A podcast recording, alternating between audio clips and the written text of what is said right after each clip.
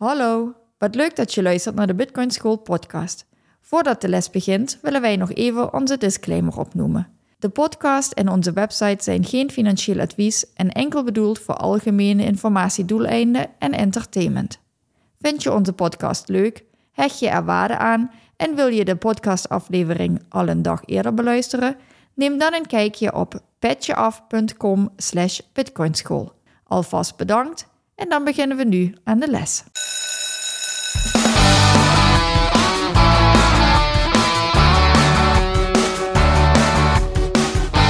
Welkom bij de Bitcoin School podcast. In deze podcast willen we jullie de wereld van Bitcoin dichterbij brengen.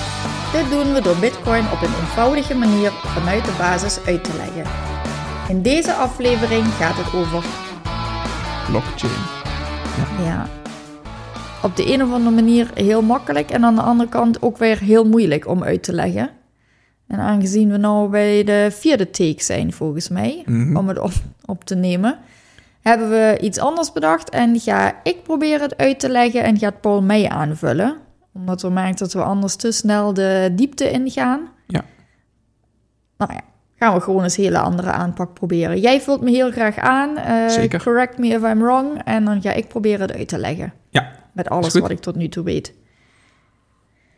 Nou, in het eh, normale eh, bankenstelsel, als wij iets over willen maken, dan eh, maak ik iets over aan jou. Mhm. En dan is er een tussenpartij, een trusted third party, waar we het eerder over hebben gehad. Dus een, een bank, een centrale partij. een centrale partij, een bank die het bijhoudt. Die heeft een groot boek, een kasboek. En Ja. ehm, nou ja, ik roep, ik wil geld overmaken naar Paul. Die controleren in het grootboek of ik überhaupt dat geld heb wat ik over wil maken. En sturen dat vervolgens naar jou toe. Mhm. En schrijven bij mij eh, iets weg en bij jou iets op. Ja, klopt. Dat is met de derde partij, met alle voor- en nadelen waar we het in de afgelopen afleveringen over hebben gehad. Nou is het zo, hoe werkt dat dan bij Bitcoin? Nou, Bitcoin werkt dus met een zogenaamde blockchain. Ja. Die zou je ook voor andere toepassingen kunnen gebruiken, daar hebben we het straks nog over. Maar hoe werkt nou zo'n blockchain?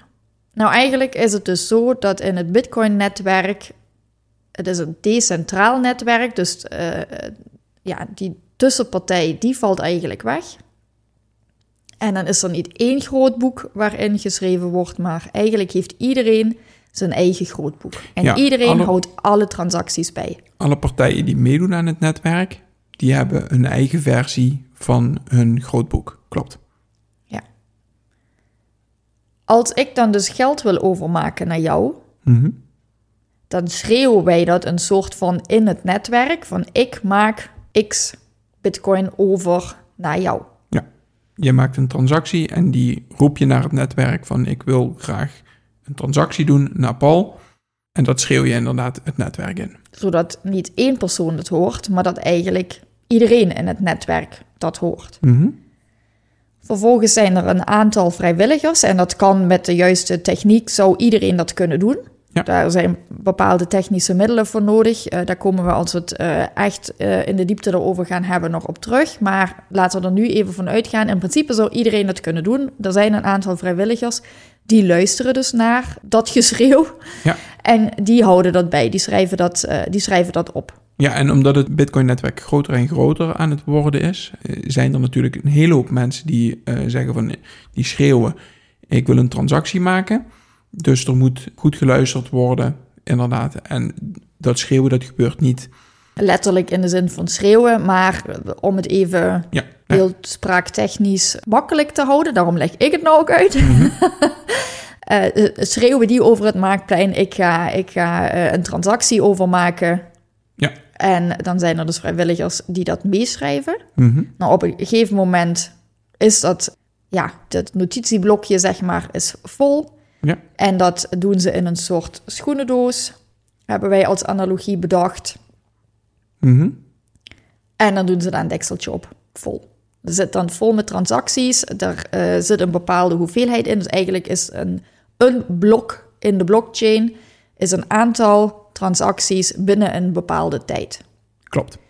En bij Bitcoin is dat gemiddeld 10 minuten, maar ja, als je je eigen blockchain ontwerpt, kun je daar een tijd aan hangen wat je wil. Ja, Maar bij Bitcoin is dat dus om de ongeveer 10 minuten komt een nieuw blok ter beschikking en wordt dus een nieuwe schoenendoos en wordt de oude schoenendoos dichtgemaakt. Dus Ja. je hebt van die vrijwilligers die luisteren naar de transacties, schrijven die op, verzamelen alle transacties in een soort schoenendoos Mhm. en na 10 minuutjes gaat er een dekseltje op.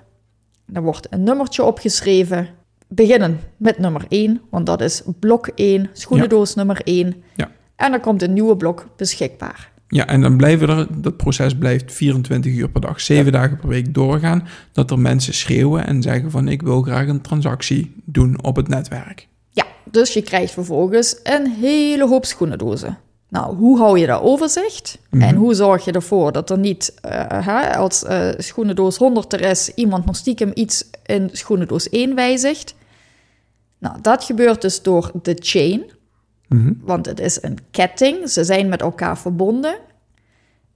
En het mooie is nou, zodat je het niet meer kan wijzigen, is dat voordat het dekseltje erop gaat, op die schoenendoos, maken we nog even een foto van de inhoud. Dus er wordt een foto gemaakt van de schoenendoos met alle transacties erin.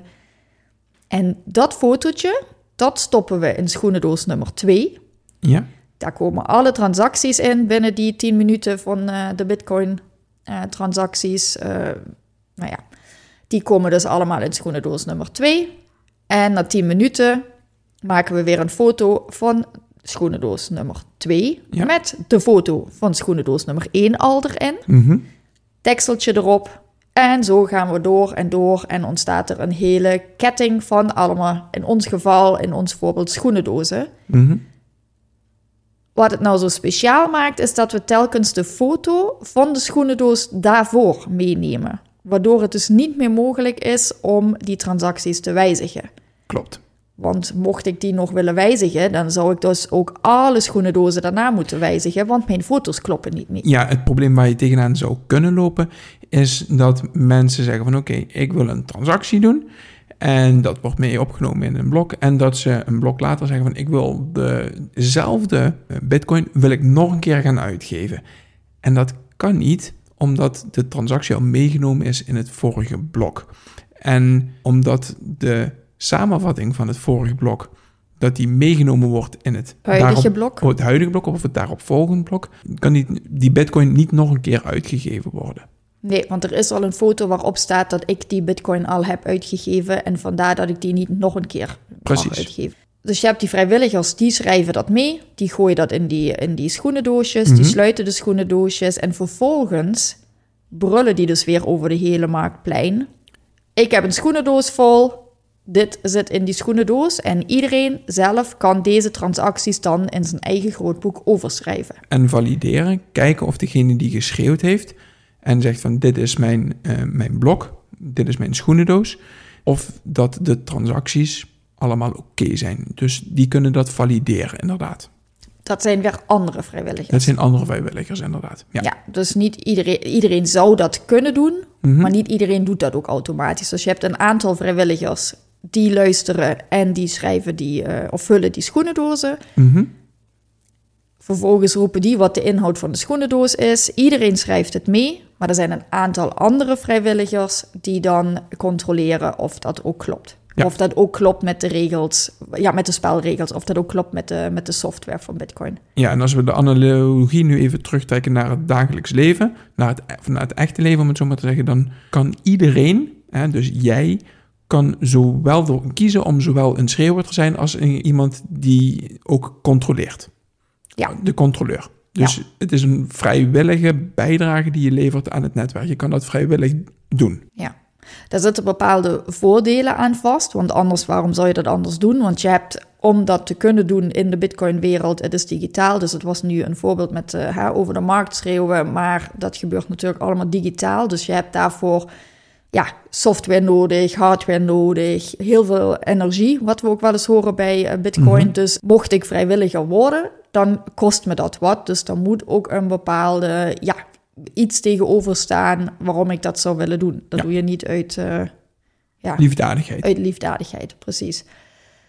Nou, wat daar tegenover staat, is dat op het moment dat ik mijn schoenendoos heb gevuld en ik ben de eerste die roept dat de schoenendoos vol is. Ik hou hem nou even heel simpel, we gaan het Ja. een keertje anders uitleggen. Maar op het Mhm. moment dat ik de eerste ben die roept, ik heb de schoenendoos vol, dekkel erop, dit is de schoenendoos. La- Laat, laten we zeggen dat je een spel speelt tegen alle andere mensen die ook die schoenendoos willen vullen. En als jij het spelletje gewonnen hebt. Laten we daar eventjes... en dat spel leggen we dan nog uit hoe dat precies eh, werkt. Mhm. Nou ja, dan mag ik mezelf een aantal bitcoin toekennen. Die wordt dan meegenomen in die transactie Precies. dat eh, ik zeg maar gewonnen heb en als winnaar krijg ik een aantal bitcoin. En Mag een extra dan transactie doen en die Precies. transactie die zorgt ervoor dat, jij, dat je nog een extra transactie mag toevoegen aan, het, aan, in aan, mijn schoenendoos. Ja. Dus als beloning mag je dan een transactie doen, zeg maar, krijg jij uit het netwerk een aantal bitcoin. Ja, klopt. En ook daar zit een bepaald proces achter, maar om nou niet te diep te gaan, eh, houden we dat even zo.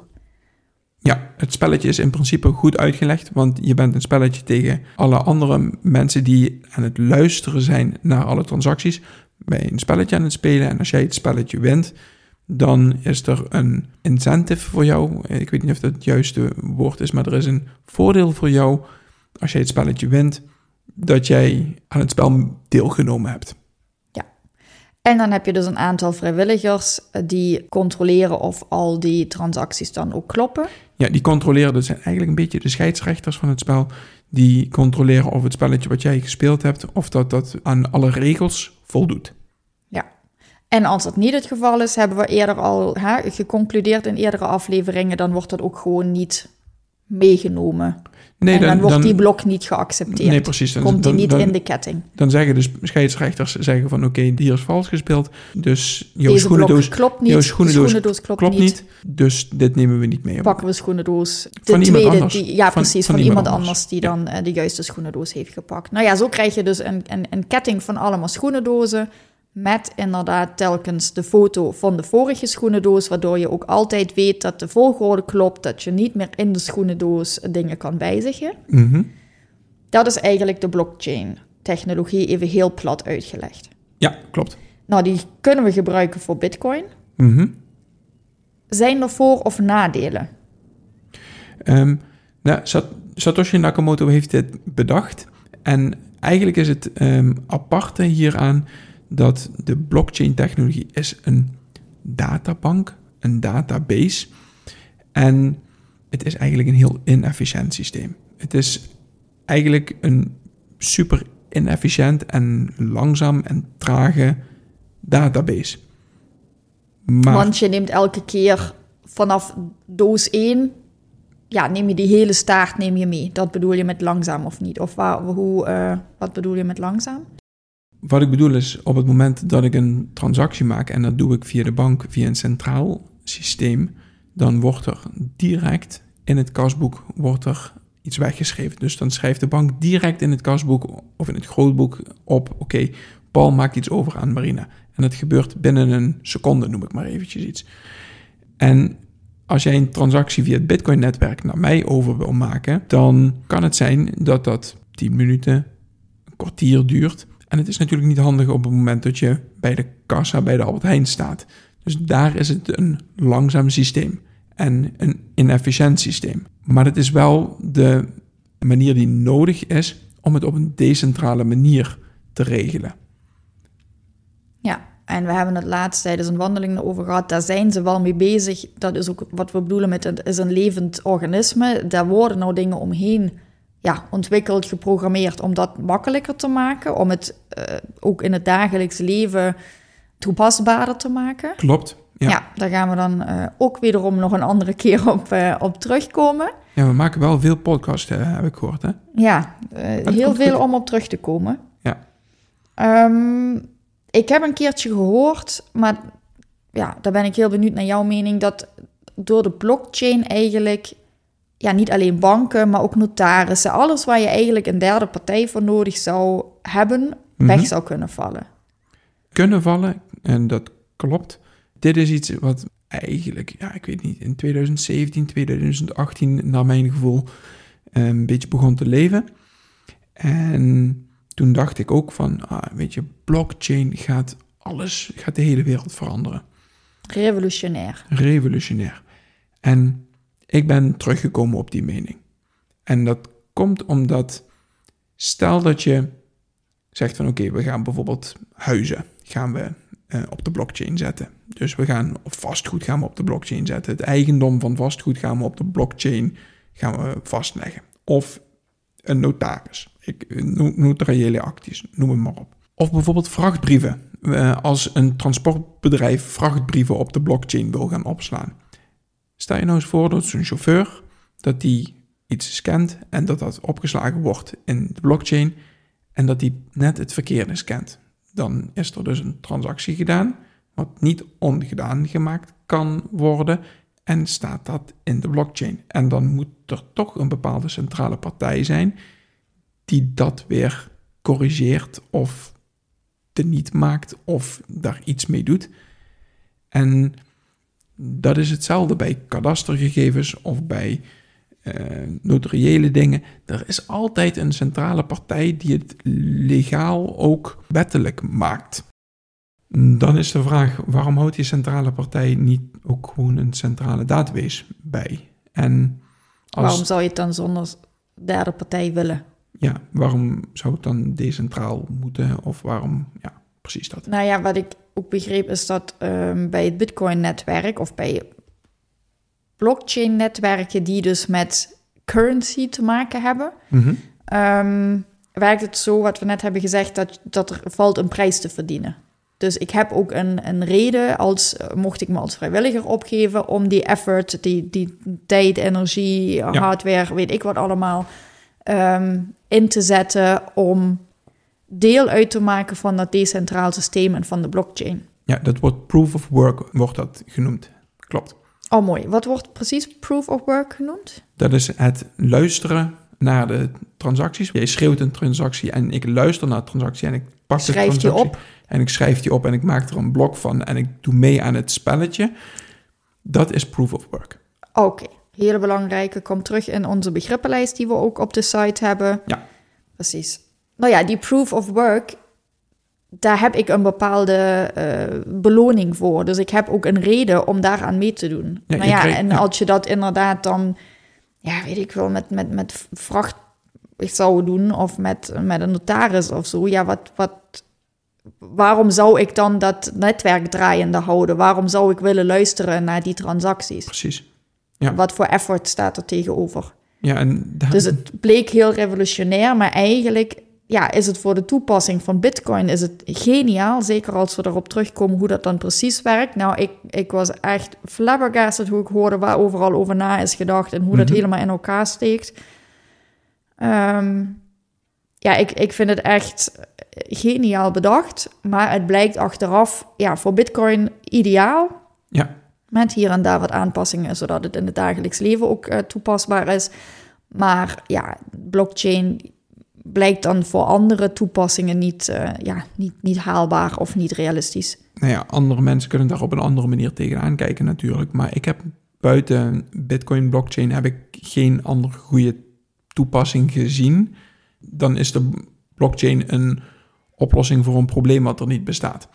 En bij uh, Bitcoin is de blockchain de oplossing voor een probleem wat er wel bestond. En dat is dat je niet peer-to-peer, -peer, dus ik van mij direct naar jouw geld kan overmaken, digitaal. Ja. Ehm, ik denk dat we op zich de blockchain dan goed hebben uitgelegd. Ik wil hem heel graag nog eens even samenvatten. Mhm. Ehm, het is dus inderdaad decentraal, zoals al genoemd, waardoor iedereen zijn eigen grootboek in handen heeft. Ja. Iedereen kan dus alle transacties uh, meeschrijven, zeg maar, of, of heeft die in zijn grootboek. Mhm. Een transactie wordt een soort van ja, ik krijg daar nou echt zo'n marktplein-idee bij, maar iedereen schreeuwt zijn eh, transacties ja, uh, in de rondte. als je het offline haalt, dan is het een marktplein. Dan is het een marktplein waarop hard geschreeuwd wordt: ik wil ja. naar Marina geld overmaken. Klopt. Ja. Uh, waarbij je dus vrijwilligers hebt die daarnaar luisteren. Ja. Die houden de transacties bij, vullen de schoenendoosjes. Schrijven dat op een notitieblokje en vullen dat in een schoenendoos. Ja, vervolgens wordt er in het Bitcoin-netwerk om de 10 minuten wordt een nieuwe doos ja, komt beschikbaar. Dus er gaat een, wordt een foto gemaakt van de eerste doos. Dat fotootje komt in de tweede doos. Deksel op de eerste doos. En wie van de vrijwilligers als eerste hier schreeuwt, krijgt daar een beloning voor. Ja. En ehm, nou ja, vervolgens wordt eh, de foto van doos 1 in doos 2 gedaan. Ook die wordt weer gevuld met transacties. En er zijn vrijwilligers die dus inderdaad eh, controleren of die dozen dan ook juist gevuld zijn en kloppen. Ja, klopt. Hebben we hem dan eh, goed uitgelegd? Oh ja, en het is allemaal begonnen inderdaad met het eerste blok. En dat is het zogeheten Genesis blok. Ja. En daar zaten nog geen transacties in, want die waren er nog niet. Er zaten nog geen voorgaande transacties in. Er zit één transactie in en dat is um, eerste transactie überhaupt in het Bitcoin-netwerk. En dat is dat Satoshi Nakamoto, uh, die heeft gezegd van oké, de eerste zet van het spel, die mag ik doen. En daarmee kan ik mezelf een x aantal bitcoin overmaken op mijn adres. Oké. En omdat het anoniem is, weten we natuurlijk niet van wie dat adres is. Nee, en als ik me niet vergis, is die bitcoin zijn ook nog niet verder gestuurd. Dus die zijn nog niet uitgegeven. Die zijn ooit op dat adres beland en daar ook altijd blijven liggen tot nu toe. Ja, Oké. volgens mij wel. Ik, heb, ik kan dadelijk eens even kijken, maar volgens mij is dat het geval dat die nog niet verstuurd zijn. Oké. Nou ja, dan voor zover uh, de blockchain-uitleg met de analogie van de schoenendozen. Ik hoop dat het duidelijk is. We gaan hier uh, nog specifieker op in, meer in de techniek duiken. En ook uitleggen wie dan die vrijwilligers zijn en hoe die heten en hoe dat allemaal werkt. Maar voor nu laten we het bij ons schoenendozenmodel. Ja, en in de volgende uitleg, als we inderdaad iets meer op de techniek ingaan, dan, dan leggen we dus uit wie de schreeuwers zijn, wie de scheidsrechters zijn, hoe dat in het echte netwerk eh, benoemd wordt. Klopt. Ja. Dus dat was dan de, de podcast van vandaag. Tot de volgende keer. Oké, hoi. Bedankt voor het luisteren van deze les. Je kan onze podcast beluisteren via Spotify, Apple Podcast, YouTube en alle andere grote podcastplatformen. Wij zijn ook actief op Twitter en Instagram. Daar kun je ons bereiken. Heb je dus vragen of opmerkingen? Stuur ons dan een berichtje naar bitcoinschoolnl op Twitter of Instagram. Goedjes en graag tot de volgende les.